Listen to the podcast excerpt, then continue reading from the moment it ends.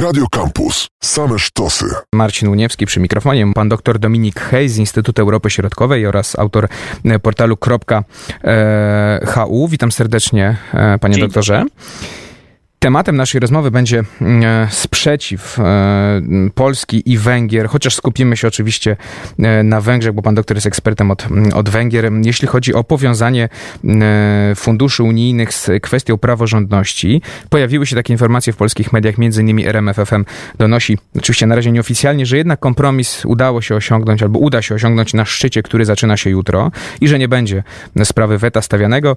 Mm, mają się pojawić pewne wytyczne, które no, Mm, zadośćuczynią e, obiekcjom czy żądaniom Polski i Węgier, no i przez to oba te kraje, oba te kraje mają e, się zgodzić na, mm, e, znaczy nie postawić weta, tak, nie zawetować, nie zawetować i perspektywy budżetowej na lata 2021-2027 oraz Funduszu Odbudowy, no bo taka groźba padała i ze strony Węgier i ze strony mm, Polski. To są na razie informacje nieoficjalne, bo jeszcze muszą się zgodzić wszystkie państwa członkowskie, chociażby Holandia czy Dania, no i Parlament Europejski też musi kwestię budżetową zaakceptować. Ale o tym mm, za chwilę, o tych doniesieniach. Na razie skupmy się na motywach, które stały za tym, że Viktor Orban, podobnie zresztą jak polski rząd, no właśnie groził e, wetem. Bo o ile mm, e, zaznaczmy tutaj, że to powiązanie praworządności chodzi o jedynie takie przypadki, y, gdy mówimy o niewłaściwym wykorzystywaniu środków z Unii Europejskiej, na przykład przy nieprawidłowościach w przetargach publicznych. I o ile Polska nie ma problemu raczej z wydatkowaniem funduszy unijnych i wydaje się, że to polskie weto, te groźby, to jest raczej walka wewnątrz obozu władzy, no to tyle Viktor Orban tutaj miał dużo do stracenia, prawda? I mógł się obawiać, jeśli, jeśli chodzi o praworządność w taki sposób rozumianą i jej łączenie e, z funduszami europejskimi. To prawda, w punkcie e, wyjścia pytanie, ile osób faktycznie wie o tym, że zagadnienie praworządności sprowadza się w zasadzie wyłącznie do kontroli e, środków unijnych E, mam wrażenie, że tak w Polsce, jak i na Węgrzech niespecjalnie wiele osób ma taką e, wiedzę. E, inna rzecz dotycząca tarć frakcyjnych. Viktor Orban jest na tej wygodnej pozycji, że jako lider partii, premier i, i szef parlamentarnej większości konstytucyjnej nie musi z nikim rywalizować. Nie ma swojego Zbigniewa Ziobry na przykład. Bo on osobiście, y, akurat współpraca z odpowiednikiem, czyli z Judith y, Warga, akurat bardzo dobrze się układa. Natomiast, natomiast y, nie ma tego problemu, żeby trzeba było wprowadzać jakiekolwiek tarcia. Natomiast dlaczego to weto węgierskie było potrzebne? Z jednej strony niewątpliwie Niewątpliwie dlatego, że powiązanie funduszy unijnych z zagadnieniem kontroli ich wydatkowanie jest kłopotliwe właśnie dla Węgier, dlatego że Urząd do Spraw Kontroli Nadużyć Finansowych Komisji Europejskiej OLAF, właściwie działający przy Komisji Europejskiej, ma dużo do, e, do pracy na Węgrzech. Natomiast istotnym jeszcze elementem było to, że sama reforma sprawiedliwości na, na Węgrzech w zasadzie została za, przez instytucje unijne e, zalegitymizowana, jak moglibyśmy powiedzieć, w zasadzie klepnięta, dlatego że artykuł 7 przeciwko Węgrom uruchomiono nie z powodów reformy sądownictwa. E, w związku z tym to, to, to zagadnienie w zasadzie w takiej agendzie bieżącej unijno-węgierskiej od jakiegoś czasu się nie pojawia. Natomiast istotnym elementem, i, i to jest ciekawe, co będzie po tym szczycie, jeśli on zostanie, ten, ten fundusz odbudowy przyjęty, jest to, że on od początku na Węgrzech funkcjonuje jako plan Sorosza. Plan Sorosza, który, y, przypominając Węgra, y, który wyemigrował do Stanów Zjednoczonych i, i jest y, takim politycznym demonem. Arcywróg Wiktora Orbana, tak. Tak, co najmniej persona non grata. Można by było nim, żartując, straszyć dzieci i to niespecjalnie jest nawet dalekie od rzeczywistości. Natomiast wszystko, co najgorsze, to jest, to jest jego zasługa.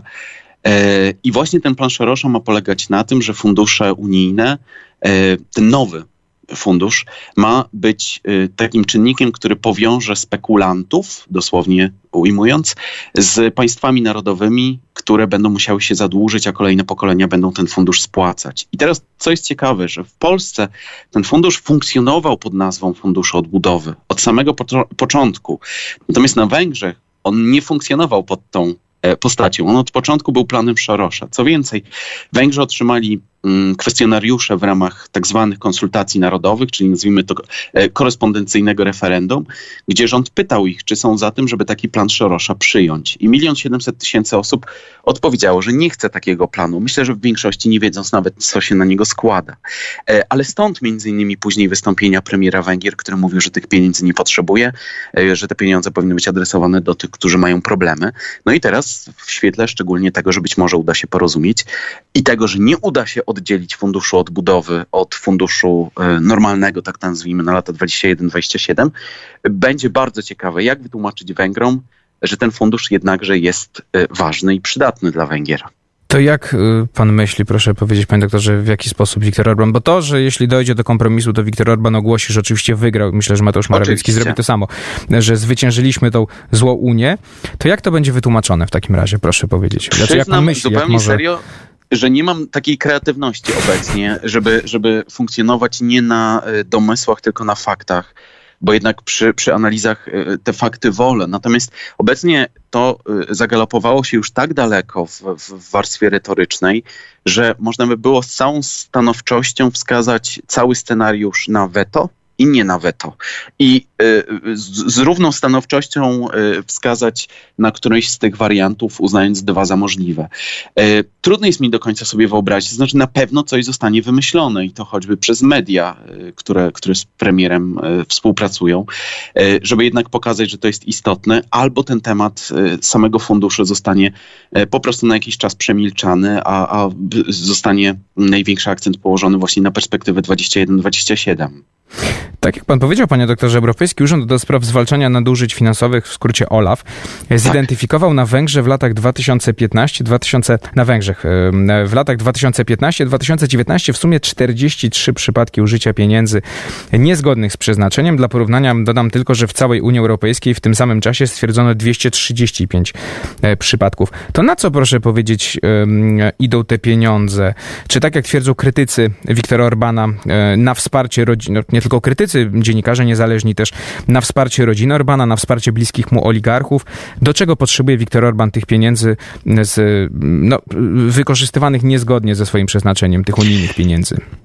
Premier sam, się, sam z siebie, żeby to jasno wskazać, raczej z tych pieniędzy nie żyje. Natomiast do czego jest to potrzebne? Do tego, żeby stworzyć e, elitę biznesowo-polityczno-towarzyską, można by było aż, aż, aż tak szerokiego e, pojęcia użyć, e, której interesie jest to, żeby Viktor Orban trwał, a w których a, i, i z kolei trwanie tej elity jest w interesie Viktora Orbana, bo to ta elita, akurat teraz to jest zagadnienie gdzieś bardziej uwidaczniane, skupuje na przykład media i, i, i buduje buduje wielki koncern prorządowy. Natomiast tutaj mowa była wprost o, o ojcu premiera, o jego zięciu, o aferze Elios, która w Polsce być może jest ciut bardziej znana. Chodziło o wymianę oświetlenia na LEDowe w różnych miejscowościach. Miał się tym zająć e, zięć e, premiera. E, no i zajął się w taki sposób, że to oświetlenie nie spełniało norm, w związku z tym mm, należało oddać pieniądze. I to było mocno krytykowane nie tylko przez opozycję, ale myślę, że też przez część elektoratu Fidesu, że pieniądze z tego dofinansowania unijnego oddało państwo, a nie firma. E, I to było coś, co, co część osób faktycznie wzburzyło. Premier wówczas twierdził, że to są środki przeznaczone na państwo, a nie na firmę. E, ale jednak potraktowania mm, tych funduszy jako, jako czegoś swojego. Natomiast w jaki jeszcze sposób?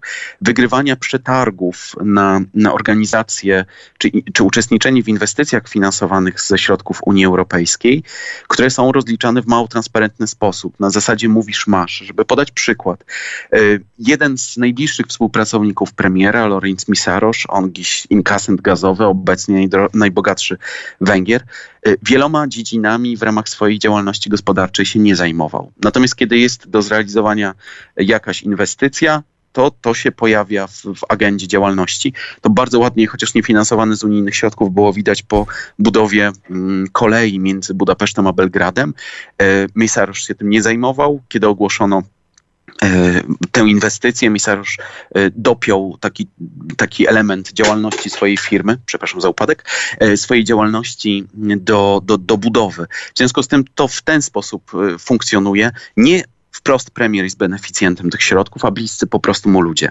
Przypomnę tylko, dr Dominik Hej, Instytut Europy Środkowej, portal.hu jest moim e, gościem. A rozma- dzień dobry. Tak, dzień dobry, a rozmawiamy oczywiście o e, tylko z węgierskiej perspektywy, no o tym oporze e, czy groźbach weta, jeśli chodzi o wiązanie funduszy unijnych z kwestiami praworządności. Viktor Orban, podobnie jak Mateusz Morawiecki, groził, że zawetuje perspektywę budżetową na lata 2021-2027 oraz Fundusz Odbudowy, tak. na który czekają wszystkie państwa Unii Europejskiej. No właśnie, jeśli to będzie e, powiązane, czyli praworządność z mm, e, funduszami, warto tu podkreślić, e, że ta praworządność nie jest rozumiana w taki sposób, jak że, że nie wiem, Komisja Europejska ma wątpliwości co do tego, duże wątpliwości co do tego, co PiS robi z sądownictwem w Polsce i to już oznaczałoby, że tracimy fundusze. Chodzi przede wszystkim, czy głównie o przypadki niewłaściwego wykorzystywania środków z Unii Europejskiej. O ile Polska problemów z wydatkowaniem pieniędzy z funduszy nie ma, no to Viktor Orban, e, tak jak rozmawialiśmy, e, Komisja Europejska zarzuca Węgrom e, w sumie 43 przypadki w latach 2015-2019 no, użycia pieniędzy niezgodnie z przeznaczeniem. Mm, to powiedzmy, panie doktorze, w takim razie, bo w Polsce, w Polsce w debacie publicznej pojawiają się głosy, że polski rząd, no stając o koniem, grożąc wetem, skłócając się tak naprawdę z Unią Europejską, w końcu doprowadzi do, do polexitu. Czy tak jest, czy tak nie jest, to już na inną rozmowę, ale pytanie do pana, skoro rozmawiamy o węgierskiej perspektywie, to czy tak samo jest na Węgrzech, czy padają podobne argumenty ze strony opozycji, z opozycji, czy ze strony części węgierskiego społeczeństwa? Dodam tylko, że węgierscy samorządowcy razem z polskimi samorządowcami napisali do Brukseli list, że nie zgadzają się ze stanowiskami e, rządu e, polskiego i węgierskiego i próbami weta. No ale właśnie, pytanie, czy na Węgrzech jest, e, jest, są podobne emocje społeczne i, i, i pada taka, ta, ta, ta, taka obawa o, o to, że to może doprowadzić do wykluczenia Węgier z wspólnoty? To jest o tyle ciekawe zagadnienie, że Węgry mają do ustawy zasadniczej wpisane członkostwo w Unii Europejskiej. E, w związku z tym to jest ten postulat, który, który w Polsce się, e, się pojawił. Natomiast tego zagadnienia nie ma. A dlaczego? Dlatego, że e, tak jak w pierwszej części powiedziałem, Viktor Orban jako lider partii, koalicji rządowej, większości parlamentarnej nie ma nikogo od siebie na prawo. To znaczy nie ma z kim konkurować ewentualnie o o, o, o pewną radykalność wobec, wobec Unii Europejskiej, dlatego że e, sami jest dla siebie granicą, moglibyśmy to najprościej ująć. E, partia Jobbik, która on gdzieś e, sytuowała się na prawo od, od Fidesu, jest ugrupowaniem, które stało się pro-europejskie. Co ciekawe, w tym wspomnianym liście E, Koraczonia i, mm, i Trzaskowskiego. E, podpisane jest ono przez byłych polityków Jobbiku, którzy obecnie są e, samorządowcami. Partie, opozy- partie opozycyjne już wcześniej wysłały list do Komisji Europejskiej z informacją, że nie zgadzają się na węgierskie weto. Natomiast co jest jeszcze ciekawe, wczoraj opublikowano sondaż Median, zgodnie z którym 85% Węgrów jest za członkostwem w Unii. To jest najwyższy wskaźnik w historii. 77% e, pośród nich to są, e, to zgadza się z tym, żeby pozostać w Unii Europejskiej, to jest Fidesz, a 94% to, jest, to są partie opozycyjne. W związku z tym tego zagadnienia jako takiego nie ma, też z uwarunkowań wewnątrzpolitycznych. Viktor Orban dość buńczucznie zapowiada, że jeśli 25 krajów unijnych rozdysponuje między siebie pieniądze z Funduszu Odbudowy, pomijając Węgry i, i, i e, no taki Polska, ale skupiamy się na Węgrzech oczywiście, no to Budapeszt sobie finansowo poradzi. Viktor Orban stwierdził, że wystarczy Węgrom dostęp do europejskiego rynku i same sobie poradzą. Teoretycznie Węgry mają dużo mniej do stracenia, jeśli patrzymy na liczby niż Polska, no bo od momentu e, wejścia do Unii Europejskiej dostały około 35 miliardów euro, Polska około 100 27 miliardów euro. To są liczby, ale y, czy gdyby założyć, że faktycznie y, no, Fundusz Odbudowy, nie, nie, te, te pieniądze nie dotarłyby do, do na, na, Węgry, to Węgry sobie poradzą faktycznie bez pieniędzy z Unii Europejskiej, czy to jest tylko no właśnie taka groźba bez pokrycia trochę? Y, to znaczy, to jest głównie warstwa retoryczna. Już mówię dlaczego. Dlatego, że pojawił się taki argument dotyczący tego, że weto węgierskie ma powstrzymać niemiecką hegemonię. E, dlaczego to jest tylko e, w sferze mm, retorycznej? Dlatego, że e, państwo węgierskie jest tak bardzo uzależnione od inwestycji zagranicznych, których większość płynie z Unii Europejskiej, także z Niemiec, że nie ma szans przeciwstawić e, tych wpływów niczym innym. Viktor Orban już w 2018 roku mówił o tym, że jeśli nie dostanie funduszy odpowiednich w perspektywie 21-27, to będzie miał pieniądze z Chin. Problem jest w tym, że to nie są pieniądze w formie Viktor Orban nie lubi nazywać tego datkami, bo uważa, że w zamian za te pieniądze państwa Zachodu mają dostęp do rynków. Niewątpliwie tak jest, e, ale jednak są to pieniądze, których nie trzeba zwracać, jeśli się je dobrze wydatkuje. Natomiast e, fundusze chińskie no już takiego, takiego przywileju e, nie mają. W związku z tym tego się nie da póki co niczym zbilansować. Jesteśmy zresztą równo w drugą rocznicę uchwalenia sławetnej zmiany w kodeksie pracy zwanej ustawą niewolniczą, która została wymyślona pod niemieckie koncerny motoryzacyjne funkcjonujące na Węgrzech. E, I to było coś, co Zresztą tak naprawdę jedyne duże wydarzenie, które wyprowadziło ludzi na ulicę. Natomiast e, no i było to absolutnie dostosowanie gospodarki do wymogów e, partnerów zachodnich. W związku z tym to jest tylko faza retoryczna. Ja faktycznie były informacje, że Węgrzy zaciągnęli kredyty, natomiast nie ma informacji skąd. A także czy faktycznie da się to zbilansować. Badania Eurobarometru, co jest ciekawe, które dotyczyły e, pewnej recepcji mm, COVID-u w poszczególnych państwach członkowskich, wskazują na to, że sytuacja nazwijmy to mentalna społeczeństwa węgierskiego pod względem strachu przed koronawirusem, tego, że doświadczyli utraty pracy, jest niewspółmiernie gorsza od polskiej. W związku z tym nie do końca wydaje mi się możliwe, E, to, żeby, żeby Węgry sobie same poradziły. Także dlatego, o czym mówił Viktor Orban wczoraj w jednym z wywiadów, że ma być to państwo oparte na pracy. I faktycznie Viktor Orban powiedział, że jeśli ktoś straci pracę, to albo pójdzie pracować do sektora e, prywatnego, jeśli znajdzie pracę, a jak nie, to do państwowego, wskazując między innymi na rozwój wojska. To jest element, który będzie zapewne badany przez socjologów, choćby wpływu na pracę, ale też nadmiernego wykorzystywania na przykład prac publicznych w celu walki e, z bezrobociem, który nie ma charakteru e, doraźnego, tylko, tylko jest stałym narzędziem w walce z bezrobociem na Węgrzech. Powiedział Pan o Niemczech w, w, w kontekście obecnego, znaczy pieniędzy z Unii również i chciałem zapytać, tak. czy, czy tak jak w Polsce w retoryce części posłów, e, szczególnie Solidarnej Polski, no Niemcy to jest ten, to jest wydaje się ten, ten demiurg, który tą Unią Europejską kieruje i który ma złe zamiary wobec Polski i to się przejawia w tej, w, w, tej narracji, że to ci Niemcy źli tą Brukselę tak, e, e, ta, tak kontrolują. To pytanie, czy na Węgrzech jest tak samo, czy Węgry biorąc pod uwagę no, i historię inną i, i też pewien pragmatyzm Wiktora Orbana, czy nawet nie pewien, duży pragmatyzm Wiktora Orbana, czy, czy Niemcy to nie są tutaj jednak, Angela Merkel nie jest jednak tym głównym wrogiem, jednak Soros yy, przeważa, tak? Czy, czy pojawia się też w tej... Na... No tak, no tak, e, tak, natomiast... tak, ale czy w tej narracji też pojawiają się Niemcy? No dodam też, że to jest niemiecka prezydencja, więc yy, tak. gdzieś tam jest to trochę zrozumiałe, może, że to się przewija w Polsce, tak? Że, że to Niemcy teraz nam próbują tą praworządność narzucać. Yy, no ale właśnie, czy tak jest na Węgrzech. Jak najbardziej mowa jest o, o niemieckiej e, hegemonii, natomiast zobaczmy na, na, na, faktyczną politykę. Pomimo tego, że na Węgrzech przez cztery miesiące obowiązywał stan e, zagrożenia, w marcu nagle przedłużony na czas nieoznaczony, Unia Europejska bardzo to krytykowała, że są to nad, zbyt duże uprawnienia rządu. Natomiast Niemcy, mówię tutaj w ogóle o kanclerz Merkel, ale też ugrupowaniach CDU-CSU, w ogóle tego nie komentowali. I teraz jest tak naprawdę podobnie tylko żeby jakby uplastycznić e, te, te, te, to zagadnienie niemieckie. E, sam premier Orban jeździ Volkswagenem i cała jego flota jeździ Volkswagenami. Prezydent jeździ tylko Mercedesami. E, rząd jeździ Skodami, wszystko z koncernu WAG, a policja jeździ Audi produkowanym w Dior i Mercedesami produkowanymi w Keczkemi. To jest mniej więcej nienawiść Niem Węgier do, do Niemiec. To pozostaje tylko w sferze retorycznej i warto jest, ja też zawsze się staram pokazać, im bardziej ktoś twierdzi, że, że Węgrzy są antyniemieccy, że w 2015 roku, w przeddzień wizyty Putina w Budapeszcie, odwiedziła Budapeszt kanclerz Merkel i na wspólnej konferencji prasowej Viktor Orban powiedział e, Danke Deutschland e, za, za aktywność niemieckich firm w, w, niemiec, w węgierskiej gospodarce.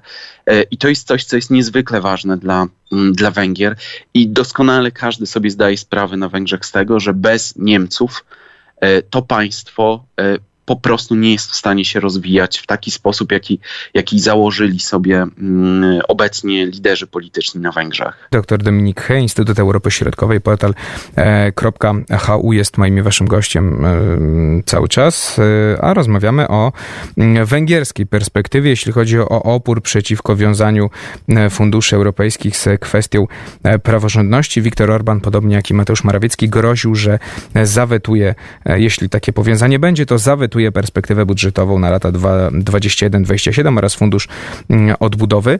I teraz przechodząc do, do tego, co, o czym piszą polskie media, między innymi RMFFM, czyli o tym, że podobno kompromis y, już praktycznie jest, y, jest zawarty, no ale mają się pojawić pewne wytyczne, które no gdzieś tam y, będą szły na rękę i Polsce i Węgrom, no i przez to oba te kraje mają odłożyć weto, a zgodzić się na, na przyjęcie zasady praworządności. Jednym z tych wytycznych ma być kwestia terminarzu, czyli określenie tego, że rozporządzenie wejdzie w życie dopiero w 2022 roku, po tym jak jego zgodność, o jego zgodności wypowie się e, Trybunał Sprawiedliwości Unii Europejskiej.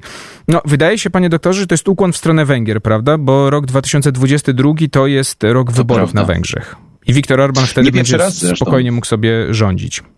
Nie pierwszy raz zresztą warto pamiętać, że, że dyskusja dotycząca mm, e, zagadnienia w ogóle praworządności przed uruchomieniem artykułu 7 w 2018 roku e, Komisja LIBE Wolności Praw Obywatelskich e, miała zająć się tym zagadnieniem w marcu, po czym nagle w lutym podano, że zajmie się tym po wyborach. No to był jasny gest w stronę Wiktora Orbana, zresztą nie pierwszy. E, I tutaj myślę, że po części będzie, będzie podobnie, bo to, co padło już tutaj na antenie kilkukrotnie, to nie jest mechanizm, którego powinna obawiać się Polska, to jest mechanizm, którego e, powinny obawiać się Węgry. Natomiast, co jest ciekawe, jakby analizując, jakie były postulaty Węgier przed negocjacjami i, i, i teraz jakby zdawkowych informacji dotyczących możliwego scenariusza. Nie uda się oddzielić e, funduszu odbudowy od funduszu, e, od normalnego budżetu unijnego 21-27. To był jeden z głównych postulatów Węgrów. Natomiast uda się poprzez jeszcze dodatkowe interpretacje zapewnić sobie, że e, Unia Europejska nie narzuci kwot migrantów, tak, jakiejkolwiek polityki migracyjnej. To z kolei jest coś, co Węgrzy o co Węgrzy bardzo postulowali. I jeszcze jedno zagadnienie, które być może bardziej występowało w Polsce niż na Węgrzech, to jest obawa o ideologizację Unii Europejskiej. Warto jest sobie uświadomić e, następującą rzecz, że wbrew e, temu, czy, czy jakby nie pozostaje to w jakiejkolwiek sprzeczności, że, że premier Węgier wiele odnosi się do chrześcijaństwa, to odnosi się do kościoła reformowanego i wówczas łatwiej jest zrozumieć, dlaczego terminacja ciąży na Węgrzech w zasadzie jest y, na życzenie, y, a także istnieje instytucja rejestrowanych związków partnerskich, które są bardzo zbliżone y, do instytucji małżeństwa, a adresowane są do, do związków jednopłciowych i jedno drugiemu nie zawadza w takiej fazie retorycznej, więc i Węgrzy tego niespecjalnie, mówię tutaj o faktycznej mhm. polityce, się obawiali, bo w retorycznej oczywiście, że to występuje. To pytanie na zakończenie w takim razie, panie doktorze. Jeśli się tak. okaże jutro szczyt, jutro i pojutrze, więc y, no, oczywiście y, jeszcze może się y, spór toczyć, bo po pierwsze no, te, te, te wytyczne muszą zaakceptować inne kraje członkowskie, no, chociażby Holandia, Finlandia, Dania, tak. Francja, Niemcy, no, muszą to zaakceptować. A po drugie, Parlament Europejski musi jeszcze przegłosować cały budżet. Parlament Europejski jest za tym, żeby tą praworządność właśnie nie rozmiękczać, tylko jeszcze ją bardziej sprecyzować, więc też może tutaj się to wszystko to rozbić. Ale gdyby się okazało, że jest to kompromis, jest to porozumienie, weta nie ma, to czy to oznacza, że Viktor Orban, zapytam kolokwialnie, może spać spokojnie, czy Komisja Europejska nie zapomni o, o, o, tych pieniądzach z funduszy europejskich, które no nie były wykorzystywane w, mm, w taki sposób, jak być powinny? To znaczy, Olaf sam w sobie y, będzie zapewne y, ścigał niewłaściwe wydatkowanie środków unijnych.